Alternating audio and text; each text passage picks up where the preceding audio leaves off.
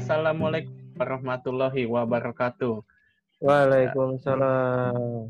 Bapak-bapak, ibu-ibu, adik-adik, kakak-kakak sekalian yang menjadi tetap pendengar setia podcast Jumat Bersalin. Oke. Jadi uh, di sini saya menggantikan uh, pilot kita yang sedang tidak bisa jadi pilot karena terhambat untuk diterbangkan oleh pilot. Pilotnya nggak bisa terbang. Karena yang terbang pesawatnya, sorry. Yang terbang oh, iya. pesawatnya bukan pilotnya. Ya, pilot kita yang sedang uh, diisolasi secara tidak sengaja saat bergerak sebagai garda terdepan. Jadi oh. sementara saya uh, menggantikan sebagai uh, pilot magang kedua setelah minggu sebelumnya sempat ada pilot magang satu. nomor satu ya pokoknya yang pilot magang aja pilotnya cuma satu ya. dan gua gua uh, jadi pilot ya kan belum belum di, belum diperkenalkan anda oh, kan iya. co-host oh iya maaf, maaf. co-pilot ya, jadi di sini saya Indeka Hai. Gak usah ada gitu. Lu panggil diri sendiri.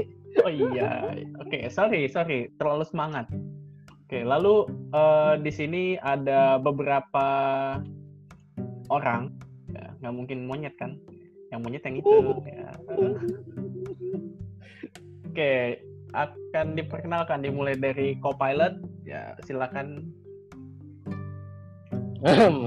Dah. Dah. Ya, itu co-pilot kita namanya Dani. Lalu ada oh, yang satu lagi hostnya di mute. Ya, di mute gue lagi mabar. Termasuk oh, iya. suaranya. Tuh udah udah jawab ya satu lagi ya host host pada saat malam ini. Yuki yang sedang mabar. Bentar lagi mati mampus lo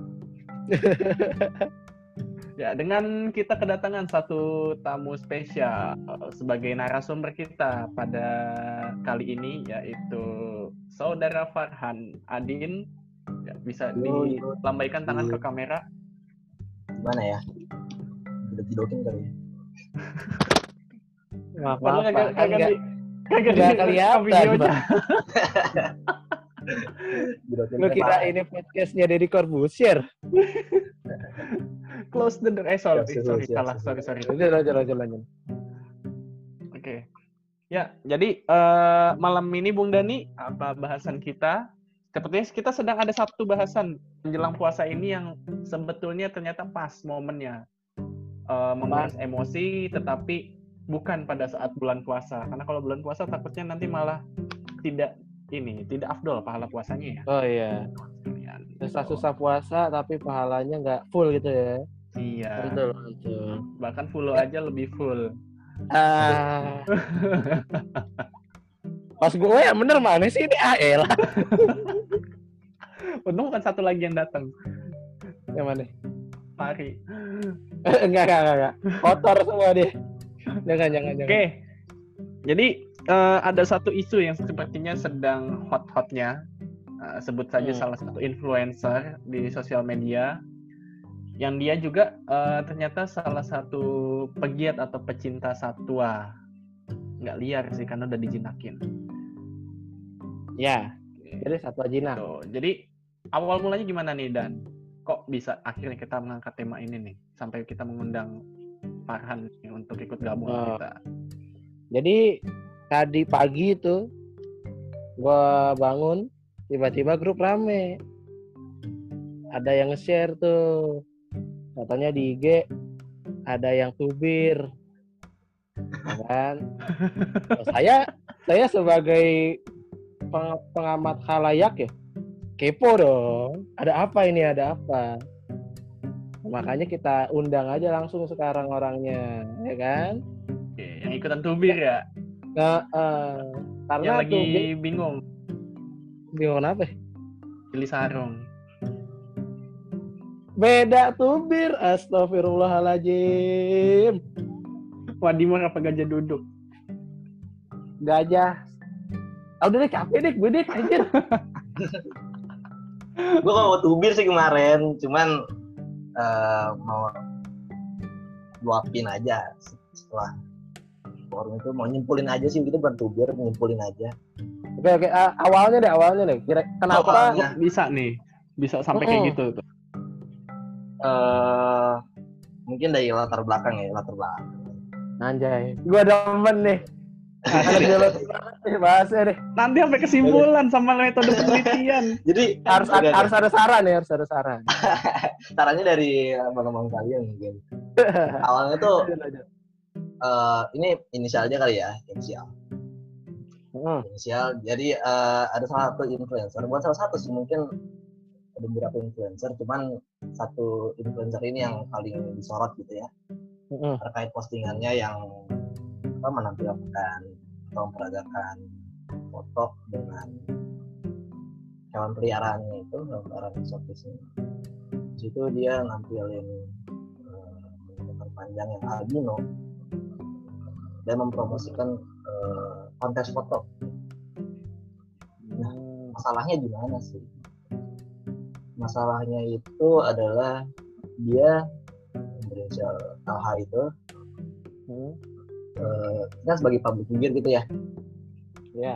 Dia menampilkan sesuatu halayak yang sifatnya itu dapat menggiring op- opini followernya itu.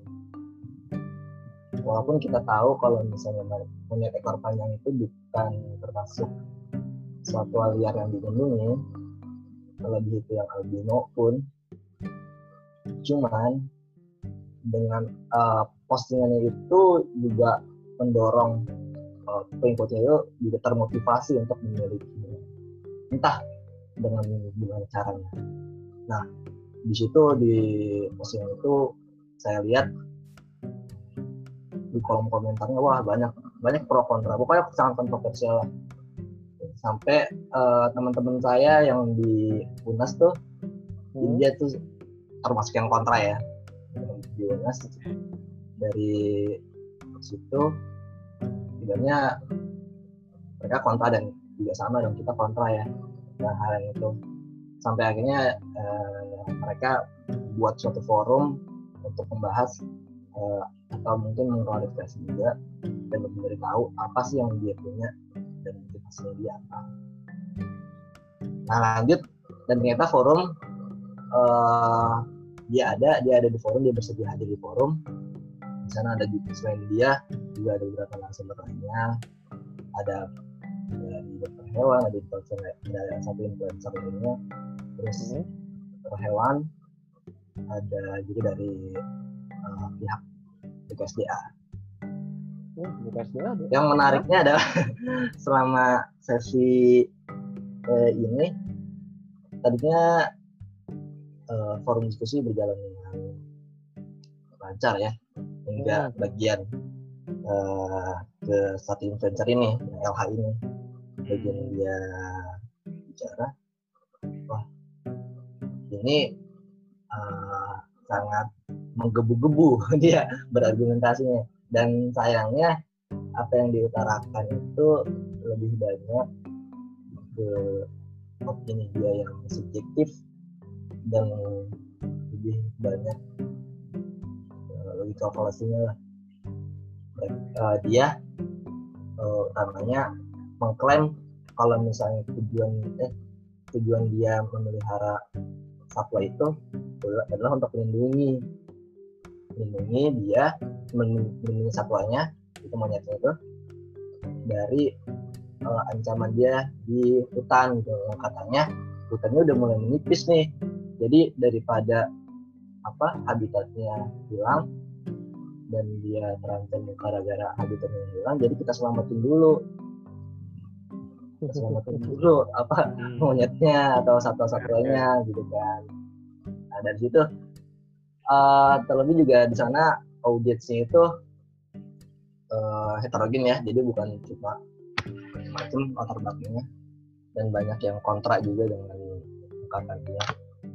Dan dari situ juga kami paham dan kami sadar betul ternyata persepsi orang-orang yang salah kaprah dalam melayani kebenaran seperti apa.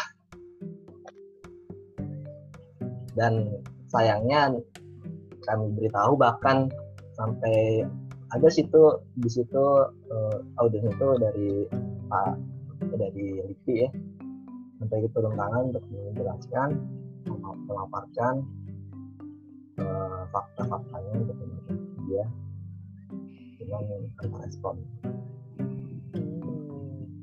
dan sempat setelah forum wah itu itu sepertinya webinar terpanas yang pernah saya ini ya pernah saya ikutin Pokoknya panas banget dulu. Untung aja sebelum Ramadan. Oh, udah, udah, untung udah, aja sebelum Ramadan. Dan bahasan ini untung malam-malam habis Ramadan, habis buka nih. Itu tujuannya. Itu tujuannya. Padahal udah cooling down nih, udah cooling down. bebas, lo mau ngomong apa aja di sini bebas. Kita kita tampung ya. Terus terus. Cuman yang paling pengen saya sorotin itu itu dia pola pikirnya yang bahaya. Ibaratnya dia melihara satu aja tuh udah masalah apalagi dia tampilkan di publik dapat menjadi opini publik lah ya. Bawa perspektif-perspektif yang keliru bahwa wah kita bisa nih melihara satwa eksotis bukan satwa domestik. Kan biasanya apalagi dengan endal-endal imut lucu dan sebagainya karena yang dipelihara itu yang masih baik mungkin kalau misalnya kalau kita lihat sekilas lah uh, hewan yang bentuk yang masih baik dan lucu-lucu gitu ya. Yang ada apa cenderungan untuk terus pengen punya nih pengen punya nih. Apalagi kalau misalnya didorong kayak positif-positif tadi tuh nah, situ ya. Saya coba uh, ibaratnya mengungkapkan lah uh, reaksi saya setelah forum di saya posting di story IG sampai saya tag tuh saya hmm, ya ya. ya itu gue lihat itu gue Ah, lihat. itu asik tuh. Res, responnya tuh enggak gue kaget responnya gue pikir apaan tuh gue baca lah. lah. Dia jadi uh, ceritanya pokoknya saya ungkapin lah reaksi saya dengan jauh di postingan story tersebut. Dan saya Hmm. tag orangnya. Saya nggak nggak terlalu berharap banyak juga kalau misalnya dibalas ya. Atau mungkin kalau di rate juga udah ya syukur lah udah udah kesampaian pesannya eh ternyata tiba-tiba muncul notifikasi ah, langsung dari ini akun bercentang biru. Wow. Yo, yang Yo, baru iya, centang iya. biru, bro. itu Apa bukan dua garis biru. beda oke oke lanjut lanjut oke oke. Jadi- jadi kayak wih ini beneran nih. Terus pas dia lihat wah responnya ya sangat genial sih. Dia Hmm. bilang cuci gitu. Sebenarnya sih jawaban itu saya juga nggak nggak kaget karena waktu pas sebelumnya waktu sebelum forum pun saya kan ngeliat di kolom komentarnya dia jawabannya sama gitu juga. Ngejawab orang-orang yang kontra ke postingan dia dia ini mataci mataci gitu. Sebenarnya eh enggak itu enggak ya gitu lah. Saya juga bingung dia untuk seorang mantan anggota. Ya iya. Jadi kita tahu kualitas ya seperti ya itu. jadi kayak nggak heran aja kalau misalnya ternyata kan gak jarang juga tuh ada berita eh, anggota memiliki satwa liar yang dilindungi Iya. Jadi offsetannya oh jadi nggak ya nggak heran. Kecewa tapi nggak heran iya benar. Saya udah tahu bakal kecewa ya aja Cuman saya sayangnya itu Nah. itu dia sih eh, follower followernya dia. Dan itu dia hitungan masih ratusan ribu. Iya. ada temennya lagi kan yang ada jutaan. Sama juga perilakunya. Yang, interaksi. yang- yang berbahaya kalau dari kayak influencer-influencer yang salah pemahaman, yang kalau ketemu orang awam langsung iyain, gitu kan? Itu yang Iya. maksudnya agak membahayakan sih.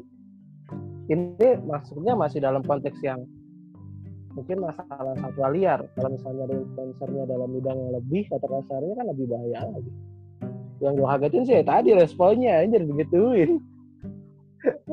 Tapi emang apa responnya emang rata-rata di akunnya dia begitu semua. Iya maksudnya Iya. Oh, tapi kontes kontes yang dia kan awalnya ngadain kontes foto tuh itu tetap ada.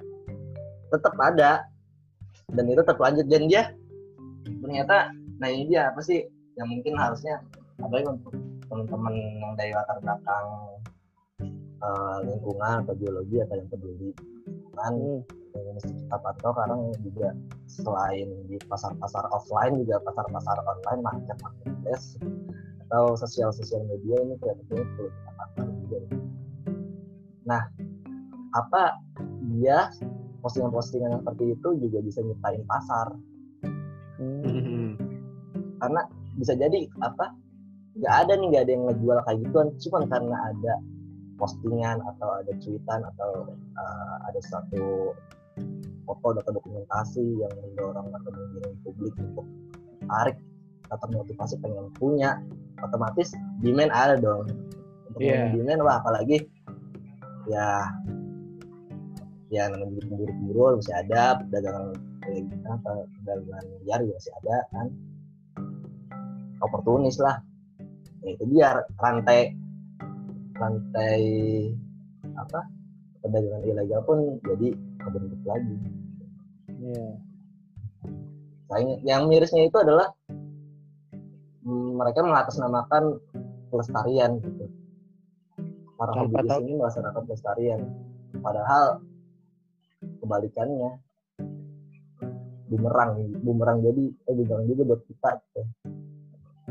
Benar benar. buat orang-orang yang benar melakukan konservasi yang benar-benar ya mau itu yang in situ atau ex situ dan lagi-lagi yang hobiis ini eh, atau kolektor atau penangkar nah, mereka dalihnya eh, mereka berupaya menolong atau membantu konservasi secara ex situ karena kan kalau kita tahu eh, kalau misalnya bisa in situ ngapain ex situ gitu.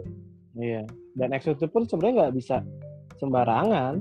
nah Maksudnya- itu dia. Harusnya itu dia. harusnya kayak lembaga-lembaga yang resmi yang emang mereka punya tanggung jawab atau kredibilitas tertentu kan.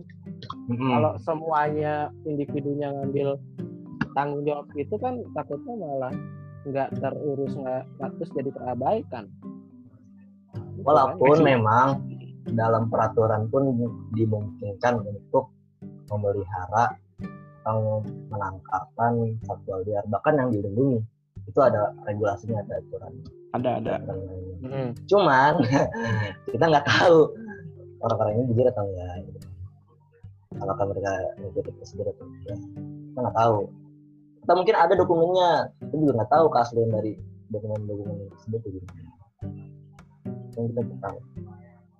Walaupun mau ada regulasi atau nggak ada regulasinya, pada prinsipnya juga eh, hewan-hewan ini, satwa-satwa ini hakikatnya ya alam liar toh Benar. dan terutama kalau misalnya kita menangkapkan atau memelihara eh, satwa atau binatang ada ada juga prinsip-prinsip kesejahteraan hewan yang mesti kita penuhi dan itu juga kan eh, hewan juga makhluk ya mereka juga punya eh, hak gitu. ada istilahnya eh, animal welfare gitu kan Ya animal welfare namanya. Hmm. Kebebasan untuk berekspresi. Gue ada lima poin uh, di animal welfare itu dan yang biasanya yang paling sulit untuk dipenuhi adalah kebebasan untuk berekspresi secara alami seperti di Nah, ya. Nah, apalagi kalau misalnya kita tahu yang dipelihara adalah uh, monyet ya. Kira kalau Tudan. ini, nah Oh gue. kan siapa tuh? Pokoknya monyet lah, monyet yang dia pelihara itu kan termasuk eh, makhluk yang sosial ya, makhluk sosial, makhluk yang butuh dampingan dari eh, induknya langsung, apalagi yang di kampung itu nggak tahu tuh induk cukup gimana. Sedangkan si apa kalau bayinya itu kan butuh induk untuk dia belajar. sulit lah. Jadi ibaratnya kalau mau pelihara ya udah pelihara yang, dan- yang hewan-hewan domestik aja lah. dari sekian ratus ribu tahun kita hidup sama hewan yang baru bisa didomestikasi itu ada berapa spesies? Kita 17 spesies.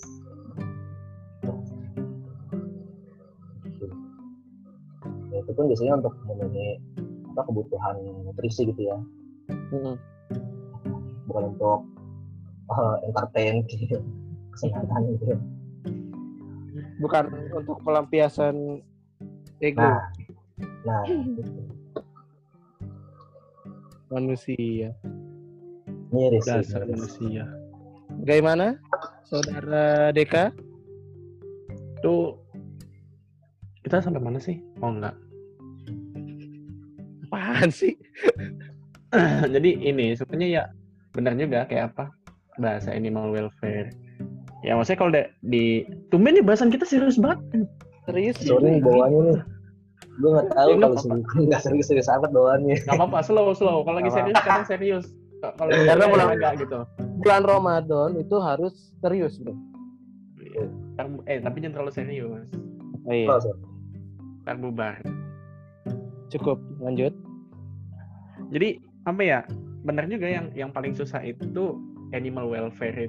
Animal welfare itu yang sebenarnya yang ya kayak gue aja ya. Gue sebetulnya kayak miara hamster terus habis itu gue ngeliat ada orang-orang yang masih noob gitu amatir nanya di satu grup di line sebutnya ya. Terus dia nanya eh, di komunitas itu nih gimana terus pas lagi posting foto kandangnya oh ada yang mencak-mencakan dengan istilah animal welfare dengan kegiatannya wih gue udah udah udah ini banget loh soal hamster gue loh gitu. Oke it's hamster gitu ya yang bukan yang kita tahu memang udah jadi pet gitu udah jadi domestic animal. Gue ngeliatnya kadang lucu aja ngeliat oh iya sih yang animal welfare bener juga. Makanya gue juga apa eh, coba pelan-pelan ngubah en- welfare-nya terpenuhi tapi kan masalahnya untuk satwa satwa liar apalagi yang kalau gue tahu ya yang gue ikutin dari beritanya yang ini eh dia miara dari kecil ya, yang diposting kan anakan kan tuh Mm-mm. pertanyaannya itu dapat dari mana Oke, satu. Oh, ya kan? Tuh, tuh, dicatat munculnya ya, dari mana tuh? Tahu-tahu dulu pertanyaannya ya. Nah, yang kedua, Nah, terus eh yang kedua sebenarnya kalau masalah hobiis, orang ini udah sempat bertingkah sebelumnya pas pertama kali muncul PP kok PP sih? Eh, permen. PP 20. Oh, PP. Permen Iya, 20, PP. P20. P20 tahun berapa? 2019 18, ya? 2018. 18, 18. Ah. Eh, iya, 19 udah ganti. Betul. P20 P20 18 ya akhir tahun 10 sih. menit lagi, woi. siap, siap. Tuh, pindah host Ngerekamnya gimana, geblak? Lanjut, lanjut. enggak pindah host Kan. doang Udah lanjut aja dulu. tuh yang main PUBG pengen ngomong. Singkat aja, singkat, singkat. jadi yang yang dia udah sempat bertingkah dulu kan terus dengan apa iming-iming oh iya orang udah apa sebagai pecinta. Gue aneh juga sih ngeliat tingkahnya dia yang kok uh, ada komentar-komentar gitu dia kayak masa bodoh gitu. Oke sebagai public figure gitu dong. Ya kan? Public figure harusnya punya attitude-nya yang oke lah dilihat orang. Eh ternyata kelakuannya begitu. Harapannya bisa jadi contoh ya. Wis. Nah, harapannya bisa jadi contoh harusnya seorang public figure mantan kan juga sekalian. Tapi emang yang namanya mantan nyakitin deh. Gimana? Oh iya, jangan curhat dong pak. Oh iya, Mas. Lanjut. Gitu. Jadi eh, hal-hal kayak gini nih yang yang sebetulnya betul kayak kata si Farhan bisa jadi bumerang. Kenapa? Orang-orang akhirnya jadi pengen kan, wih mau ikutan lomba foto, udah gitu dikasih cuma cepek lagi. Anjir, orang kaya lo. Lo orang kaya ngasih cepek. Apa 200 bedanya sama ya. gue? Iya, apa bedanya sama gue? Gue tuh kasihan sama apa orang-orang yang kerja di konservasi X itu, utamanya dia yang rehab ya. Iya. Yang rehab hasil dari apa eh, ciptaan atau hasil dari serahan. Nah itu cost itu wah costnya sangat tinggi sekali. Cost dari apa ibaratnya materi, dari biaya, biaya ibaratnya untuk suplai makan, bahkan untuk eh, dia eh, jadi rilis kandidat pun mesti ada suatu apa ya asesmen asesmen yang Quality- agak sulit. Quality control dulu lah ya, bahasanya. Ya, eh. jadi nggak nggak semuanya yang diserahin itu bisa baik-baik ke alam. Sulit juga. Jadi Tapi dibilang gini yang- sebenarnya, yang gua pelajarin, emang kalau kita tuh nggak bisa semuanya nyalahin, oh harus ini yang di, ada satu apa ya, pesan gue yang ngomong. Jadi eh di Riau contohnya ada harimau masuk ke kebun sawit. Terus yang disalahin itu orangnya bukan harimau.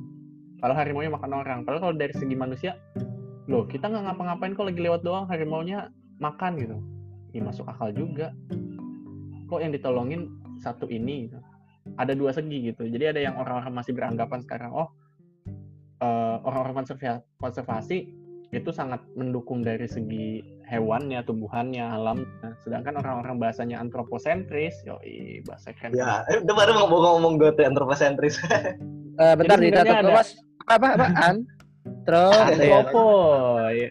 Antroposentris. Jadi sebenarnya ada tiga, ada tiga sekarang yang berkembang itu ada tiga, tiga paham. Antroposentris itu orang-orang yang pandangannya oh harus manusia. Dua biosentris yang pandangannya itu harus hewannya atau tumbuhannya. Yang ketiga ada paham ekosentris. lingkungan Ekosentris itu bagaimana memandang eh, manusia itu memang perlu diperhatikan tapi tetap dengan keseimbangan. Widih, eko Ya. emang. Mantap deh, makasih sama dosen gue belajar etika. yang eko ekofasis biasanya biosentris tuh. Ah iya. yang sering berantem soalnya orang biosentris sama orang-orang antroposentris. Iya. Ini yang sering berantem nih. Seru banget kalau udah berantem. Yang satu lingkungan banget kan, pro lingkungan banget, yang satu pro orang banget nih. Nggak ketemu gitu.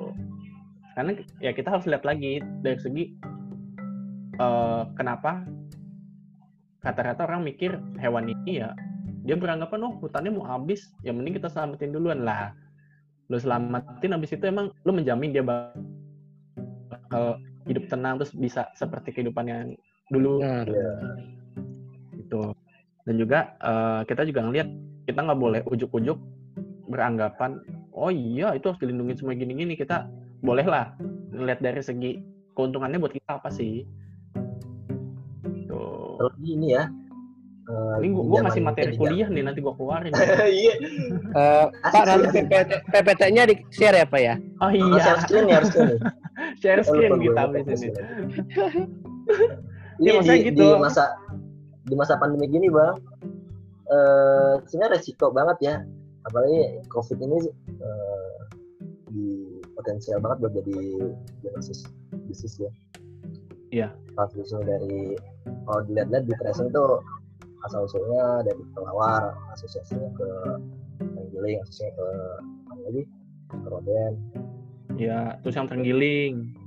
Nah, dan kalau dari apa kemarin terakhir gue kirim webinar primata itu punya resiko yang sangat besar untuk terpapar covid ini. Jadi apa yang dia pelihara tuh kan primata monyet ya. Itu kalau misalnya dia kena atau misalnya monyet yang kena bisa sama kena dia dua-duanya. Ya karena hampir mirip lah. Iya. Jangan kalau misalnya ibaratnya tekanan dari dari tujuannya udah kayak gitu kan apalagi tambah tekanan dari penyakit gitu loh. Itu kan nanti Hmm. kurang jadi itu Ah, Hab- Habib dia katanya mau ngomong. Hmm. closing statementnya dari Habib silakan saudara. Kita nggak ada konklusi anjir. Apa ya? Gua Nah. mau apa nih? Itu eh gitu. Itu ciri khas podcast kita gitu. Oh Konklusinya iya. pendengar yang mentafsirkan sendiri bro. Kita kembalikan kepada netizen. Karena tiap orang berhak mempunyai persepsi. Hanya yo pasal 28 UUD 1945 yang mau ngomongnya ini gue Oh iya siap siap siap. Lanjut Beb. Tiga menit ya Beb, tiga menit. Lanjut. Ya, kagak cukup ini. Gue ngomong sampai subuh. Potong nih. Apa ya intinya mah serba salah sih ya kalau dilihat dari dua sisi. eh ya yang namanya pemelihara pemelihara satwa eksotis itu pasti ada ya. Apalagi mungkin penegakan di negara kita masih cukup lemah lah kalau dibilang ya. Gue juga dulu pernah kerja lah di bidang yayasan konservasi alam lah. Tuh ya banyak juga eh, apa namanya eh, ya selama selama masih ada orang yang hobi gitu ya untuk memelihara satwa eksotis ya tetap aja itu pasti akan apa akan ada eksodus lah atau penangkapan penangkapan satwa eksotis tersebut gitu loh ya. Apalagi ya mungkin kalau yang tadi gue dengar kan oknum ya. Salah satu oknum lah mantan pejabat juga. Nah itu ya apalagi banyak lah mungkin kalau kita pernah dengar dari teman-teman kita sendiri gitu kan. Nah itu menurut gua susah juga sih ya. Di sini duit berbicara masalahnya gitu mungkin eh, ya mungkin salah satu cara ngingetinnya pakai beginian kali ini ya pakai wabah yang kayak gini nih. Benar-benar semuanya itu nggak nggak nggak bisa kayak aktivitas biasa gitu benar-benar mati lah gitu kan. Walaupun ada juga yang perdagangan satwa eksotis itu tetap ada juga yang berjalan gitu. cuman sayangnya memang eh, persepsi lagi-lagi salah ya gitu kan. Eh, banyak kok nggak cuman beliau lah. Dari teman-teman kita sendiri juga ada yang beranggapan bahwa dengan memelihara itu itu sebagai bentuk eh, pelestarian ya mungkin ya sama mikirnya begitu apa ah, kasihan lah dia dari di luar mending gue yang pelihara gue yang urus gitu tapi tetap kayak per ke, pri kemanusiaan itu beda dengan pri kehewanan ya Mantap. aja sih. itu aja sih Asik. Udah mau habis gue nih. percaya sih living in harmony gue percaya itu berdampingan alam sekitar Ya, gampangnya kalau kita ngeliat kelompok-kelompok adat kita banyak kok yang living in harmony gitu. Iya. Mereka berburu tapi ad- tradisinya jalan. Eh, kesannya sih kalau kita ngeliat kayak apa yang di yang di Nusa Tenggara ya kalau nggak salah, yang perburuan paus itu, itu Oh, tradisi. iya iya gue tahu itu di daerah Oh lupa gue namanya. eh, aduh gue lupa namanya pernah pernah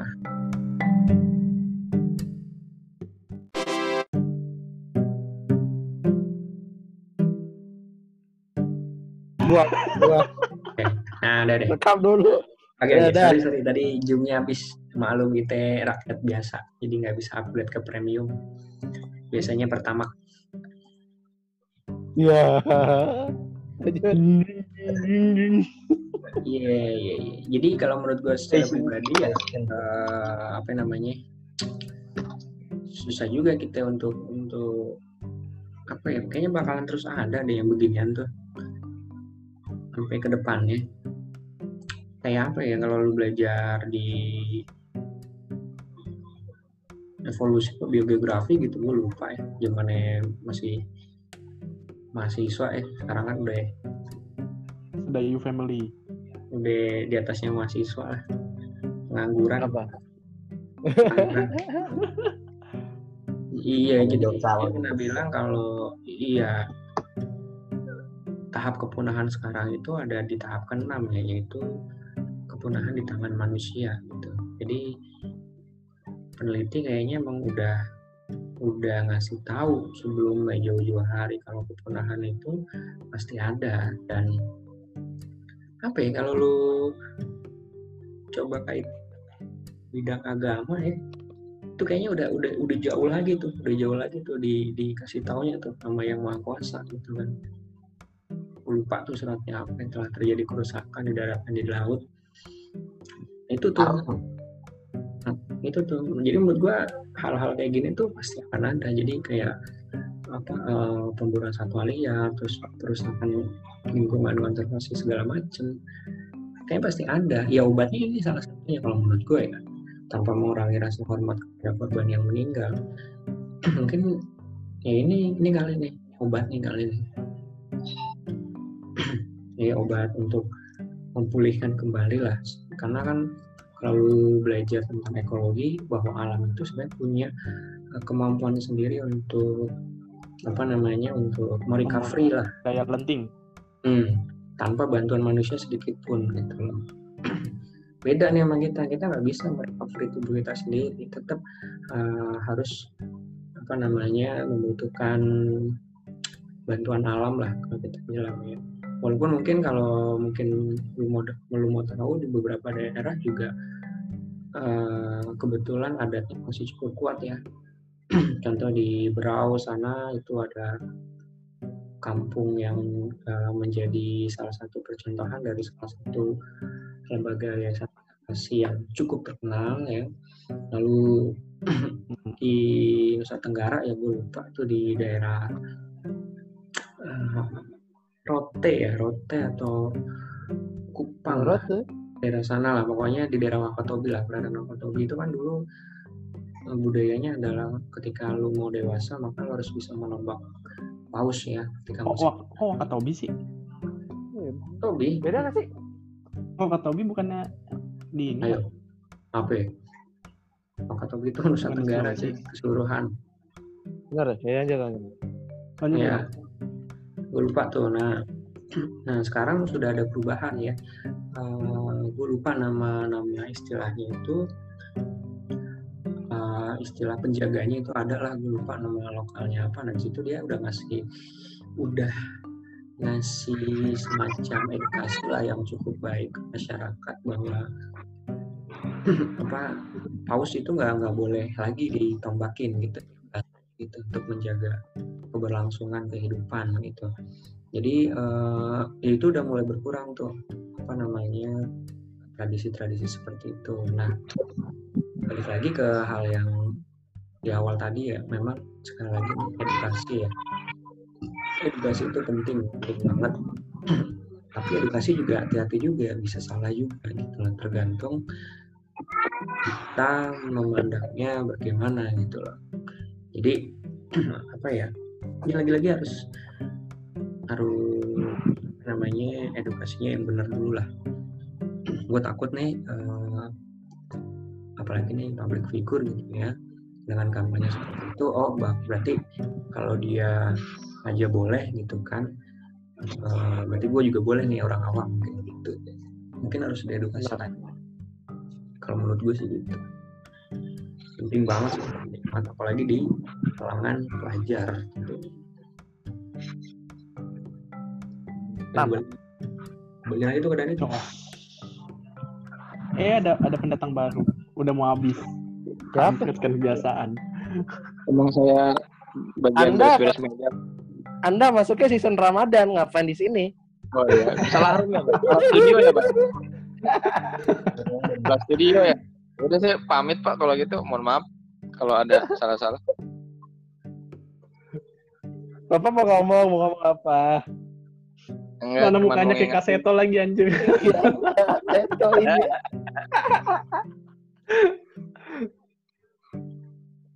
apa? Bapak mau ngomong apa?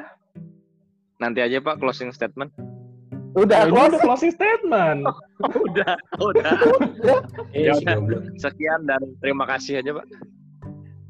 Nanti Bapak di season Ramadan aja ya.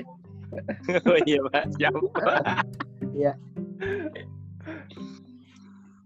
Oke, jadi gitu. Silakan simpulkan sendiri. Ya simpulin sendiri aja deh gimana enaknya deh. Tema yang yang apa namanya yang belajar, yang nyaraninnya yang baik. Cuman ya kalau kita ngomong sama orang antropologi, ya itu balik lagi urusan perut. Lagi-lagi emang urusan perut ini yang paling fundamental bahasanya ya. Orang tuh bisa menjual satwa-satwa eksotis kayak gitu ya, karena kebutuhan perut sebenarnya. Itu. Pakai hukum ekonomi lah. Ketika permintaan masih ada tentu ya penyuplai penyuplai barang tuh pasti tetap akan ada juga. Ditambah barang-barang ini, oh kan gue ngomong ekonominya kan, dianggap sebagai barang apa ya, barang publik gitu. Jadi nggak ada yang punya, ya siapa aja boleh ambil, bebas. Dan karena harganya juga nggak ditentukan, Nah, itu Pasar yang mana? lewat Cuman pasar. yang yang gue bingung ini eh, yang melihara monyet putih ini punya sertifikatnya nggak ya? Itu dia. Nah itu dia. Itu kemarin dia kagak. Kagak nunjukin. Nah. Karena gini juga eh, kita koar-koar ya, oh nggak boleh melihara satwa eksotis, satwa eksotis. Padahal di undang-undangnya ada boleh melihara kalau punya sertifikat. Iya, nah udah tuh, lu nggak bisa ngebantah. Itu ada di undang-undangnya, kuat, legal itu, sah. Lu mau Kalau ajuin mau ke ajuin judicial review undang-undang. Waduh ribet Sih. kan ya ribet modalnya gede eh, modalnya gede Anda bisa beli butuh rumah lawyer, mobil lawyer. No, no, no. Orang ILC no. gede itu ya. ya jadi maksud gua ya itu sih yang pengen gue tanyain apa dia punya sertifikatnya atau enggak gitu kan kalau punya kan eh, oke itu udah legal berarti istilahnya kita nggak usah ribet lagi lah masalah eh, konservasinya gimana nyatanya itu udah ada izinnya gitu kan terlepas itu Hmm. harusnya sebenarnya emang nggak boleh ya cuman ya mau gimana gitu kan tapi kalau nggak ada ya barulah kita bisa untuk eh, apa namanya adu bacot kali ya yang lebih tepat ya Special, special ability-nya. nah bukan adu bacot sih sebenarnya apa ya bahasa bahasa halusnya tuh Ubir Tapi jalan masalahnya- akhir. tapi masalahnya dilarang berdebat coy sama orang bodoh itu nggak itu nggak Iya. itu itu jadi patokan bertengkar, berdebat juga sebenarnya nggak perlu bang. Iya, ya, ya susah juga ada mending diemin aja dah iyain aja biar cepet. Gitu. Karena mungkin eh, ini ini mungkin karena public figure ya yang terkenal ya. Tapi masih ada lagi nih, mungkin Farhan belum tahu aja nih ya. Salah satu pendiri Iya. kelompok kelompok pengamat lah katanya kelompok pemerhati ternyata sama di belakang Hati dia. di belakang juga sama main-main main jual-jual juga gitu loh bahkan gue sempet agak kesel waktu itu dia bilang salah satu jenis burung ya burung ciu ya warna hijau apa sih? Ciu. iya ciu Oh ini apa? ciu ciu iya Kan. aduh gue lupa lagi pernah moto juga yang di halaman depannya itu loh S- apa SKJB tuh ciu ya Ciu Oh apa itu ciu? kloropsis. Si apa? Cica daun. Ah iya cica ciu Cica anjir. ijo, cica ijo. mabuk Oh, gue ciu. Eh, Kebanyakan minum ciu. Iya. ya bukan ciu. Astagfirullah, Habib. ada ciu namanya iya kloropsis ya si cica ya, cica nah itu kan dia bilang cica cica biru ya itu dia bilang dilindungi daun sap biru. eh. Nah, itu dibilangnya nggak dilindungi sama dia padahal di situ buset dah itu ada profesor Limpi ya kalau gue jadi dia sih gue malu gitu kan Ini ternyata dia masih ngotot juga itu itu nggak dilindungi itu nggak dilindungi padahal di salinan undang-undangnya yang terbaru itu masih ada nama dia nah itu kan apa ya Eh, jadi kayak ini loh serigala berbulu berambut ya bukan berbulu sih serigala ber- berambut kebo gitu saking Hmm. bubelnya bubelnya gue ganti kebo Gimana nih dan? Hmm. Lanjut. Iya ya jadi gimana itu ya itu itu tuh masih masih ya susah juga sih deh ngotot gitu ya bilang itu itu ya kita kalau udah kepala batu mah lawannya cuma satu hantam pakai batu beneran gitu loh Misalnya bahaya kalau dibiarin juga. Iya, benar. jadi sebenarnya eh, yang jadi masalah itu justru bukan yang benar-benar ya misalkan dia nggak tahu tentang konservasi terus dijual itu kita masih bisa terima lah gitu kan kita masih bisa educate lagi. Tapi yang musuh dalam selimut ini loh yang berbahaya banget gitu kan dia ngerti jenis-jenisnya. Yang mana aja yang eksotis dilindungi harganya cukup tinggi nah itu. Dan sialnya lagi ya si orang ini juga ternyata masih sering aktif diminta untuk berbicara di depan umum tentang konservasi gitu loh. Nah itu menurut gua, aduh nih nih nggak nggak apa ya nggak nggak pas gitu loh. Yang diomongin sama dia emang nggak menurut gua kontras banget.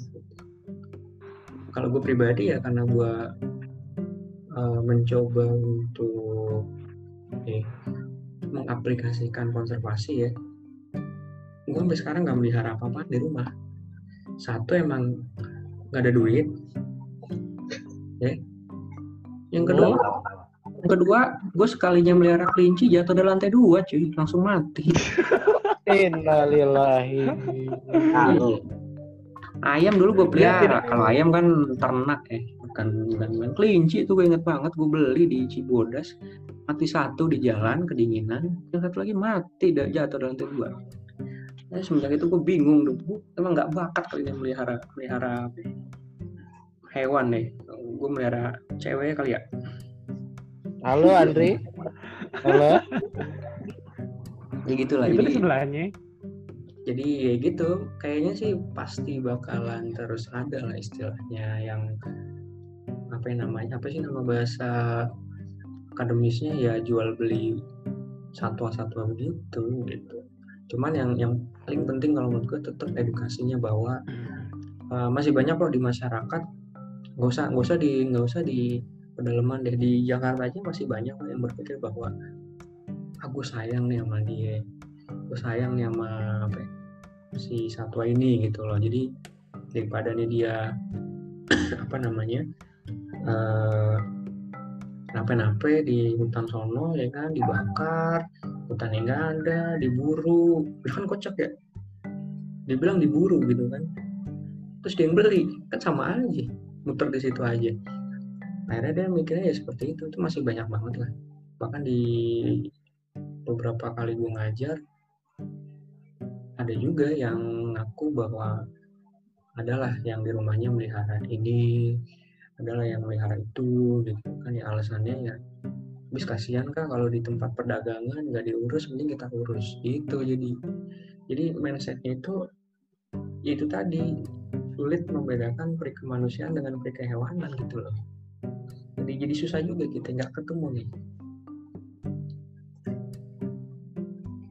Jadi nggak ketemu ya. Jadi saran gue mungkin ya ini Farhan karena masih aktif-aktifnya ya di kampus dan juga kayaknya masih idealis banget. Udah injury time gue juga bang. ya udah injury time ya. Pokoknya terserah deh ya. Kayaknya lihat aktif banget dan apa namanya uh, masih idealis banget.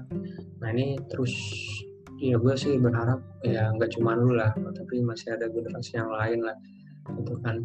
Kalau generasi gue mah udah udah nunggu aja ini mah nunggu ya. Walaupun ada juga yang masih berkecimpung lah. Kayak Deka kayak Helmi terus uh, ya gue mau pemerhati aja gitu kan. Tapi itu tadi uh, yang terpenting adalah mengedukasi ke halayak umum ya itu penting banget ya. Yang kedua juga kalau kita ngomongin masalah konservasi itu nggak bisa dipisahin dari sosial ekonomi itu udah udah udah saling terkait dah. Jadi tugas kita paling ya bagaimana caranya menyelaraskan ya apa itu menyelaraskan bukan ngejadiin silaras apa apa dan bahasanya menyelaraskan dan kan orang ini nih orang pemerintahan ya ya orang bahasanya keluar. Titiu, Titiu mah bukan orang bahasa. Eh, Menyelaraskan bahasanya apa sih sinkron bahasa Inggris ya apa ya apa ya? itu bahasa Indonesia juga sinkronisasi. Ya, pokoknya menyelaraskan lah ya bareng bareng bareng gitu jalan bareng lah gitu ya. Harmonis. Ya harmonis lah bahasanya. Kalau harmoni jadinya tante busway Satu Baswedan doang, nggak tahu gua. iya iya iya. jadi bagaimana sosial ekonomi itu bisa bersanding dengan alam ya? Karena ini kayaknya harus harus banget deh. Nggak bisa sekarang eh, sosial ekonomi itu bertentangan dengan apa? Alam gitu ya. Itu yang dulu pernah gua dapet di waktu gue masih bekerja di salah satu yayasan tentang konservasi alam gitu ya. Jadi bagaimana uh, sebenarnya kita itu mencari uh, sosial ekonomi itu bisa bersanding bersanding ya artinya uh, bersama-sama untuk menjaga uh, lingkungannya gitu kan. Bagaimana kita memanfaatkan itu nggak berlebihan. Kayak gitu sih paling Eh, mungkin kalau anak-anak di Jakarta dijelasin kayak gini agak sulit ya kalau nggak pakai praktek. Neng nggak ngeliat. Iya, masalahnya di Jakarta itu sekolah negeri itu nggak boleh outdoor class gitu, nggak kayak dulu. Jadi kita yang ngasih contoh nih gua sebagai guru di Jakarta susah juga gitu ngasih ngasih gambaran bagaimana sih sebenarnya lu tuh bisa hidup bareng gitu ya sama, sama lingkungan lu gitu gitu gimana gitu. Susah juga sih Tenang, Bu. sebenarnya. itu sudah saya usulkan, itu saya usulkan. ya kalau sekedar usulan pak sulit pak ya kecuali ente masuk ke Ya. jajaran pejabat elit atas pak Ya, seenggaknya kita bersuara. iya Karena gue, kelak, ya, maksud gue gitu eh, khususnya di Jakarta ya gue nggak tahu kalau di di kota-kota lain itu jadi pengalaman mereka tentang ya alam tadi lingkungan tadi itu kurang ya. Khususnya di sekolah-sekolah negeri karena kan dibatasi yang mungkin bapak Dani tahu sendiri lah nah itu maksud gue gue tuh eh, pengen ada kelonggaran lah sedikit untuk mengajak generasi apa nih namanya bukan milenial lagi generasi. Triple Z ya Rabani. eh itu merek Kenapa ini beda? Goblok. bukan generasi Tahu lo mau ke mana sekarang? bukan generasi Zoya ya. iya generasi yang baru ini lah generasi penerus kita kita ini tahu gitu loh tahu bahwa eh, iya satwa satwa eksotis ini atau flora eksotis itu bisa mereka lihat langsung tanpa lihat di eh, buku atau internet. Karena gue tahu banget feelnya pasti beda. Lihat langsung yang asli sama lihat yang fo- sekedar foto gitu lah. Kalau sekedar foto kan ah itu ya udahlah banyak. Tapi kalau mereka lihat langsung gitu kan mereka kan feelnya dapet. Nah itu menurut gua eh, apa ya konsep ketemu praktek tuh kudu pas gitu deh Ya. Setuju. iya pokoknya ya kita bersyukur lah pernah ngerasain di biologi itu ya. Sekarang Makanya sekarang ya closing dari gua tetap kita harus mengedukasi masyarakat secara umum bahwa iya yang pertama perikemanusiaan dan perikehewanan itu beda. Mungkin bagi kita wah sama kita lebih aman tapi belum tentu bagi si hewan tersebut gitu loh ya kan? Terus yang kedua ya tetap bagaimana kita mencari solusi lah untuk eh, menyelaraskan ya antara sosial ekonomi dengan lingkungan atau alam ini yang PR-nya ini masih belum belum bisa terjawab sepenuhnya ya gitu udah tutup deh Tap. Oke. Edisi spesial satu jam lagi serius. Mohon maaf kalau nanti capean. Ya itulah tujuan kalian mendengar podcast ini, biar dengar sampai capek. Iya, bukan untuk bukan untuk menghilangkan capek, tapi makin bikin capek. udah capek nggak dapat apa-apa lagi. Iya. Iya. itu kan emang misi kita dengerin ini gak dapet Iya. apa-apa Kita, Dengerin ya ini yang itulah prinsip malam tuh langsung habis tenaga. prinsip kita memberikan masalah solusi. Ya, jadi eh, mungkin sekian dulu dari kami. Kalau misalnya masih ada mau tanya-tanya, bisa DM IG kita di Jumat Bersalin Agensi atau mungkin ke para anggota-anggota Jumat Bersalin yang lainnya. Ya, silakan di follow kali aja. saya. Ya. Ya, itu itu si Farhan suruh promo IG dulu. Oh iya, nggak bisa. di sini nggak bisa paid pro. Di sini sistemnya paid promote. Promote. Jadi Robani, oh gua sebut merek tuh Robani. Oh iya. Dia mau nggak mau nanti kemari dah tuh. Oh, iya harus bayar dia. Kan mendengar Oke. kita ukti ukti. Iya iya iya iya. Udah, udah, udah, cukup, cukup, cukup, cukup. Ya mungkin sekian dulu dari kami. Sampai berjumpa di podcast selanjutnya. Ya kalau memang ada salah ya udah emang salah. Salah lu sendiri ngapain lu dengerin. Ya. Jadi eh, sekian dulu dari kami. Eh, kesimpulannya dikembalikan kepada diri masing-masing dan tentukan hati kalian hanya kepada Tuhan yang Maha Esa. Asik. Edisi Ramadan. Tap. Ah, siap-siap season Ramadan. Oh ya, oh ya jangan lupa siap-siap buat pendengar kami akan ada edisi spesial Ramadan. Nggak live juga sih. Mungkin Nggak kalau live mau live juga, bisa. ya kali aja yang mau dengerin gitu langsung live di apa aplikasi-aplikasi yang tersedia di Anchor, Nanti Spotify. nanti ketahuan kalau live jangan Oh iya, nggak apa-apa. Ya udahlah. tidak. Oke, kita tutup. Wassalamualaikum warahmatullahi wabarakatuh.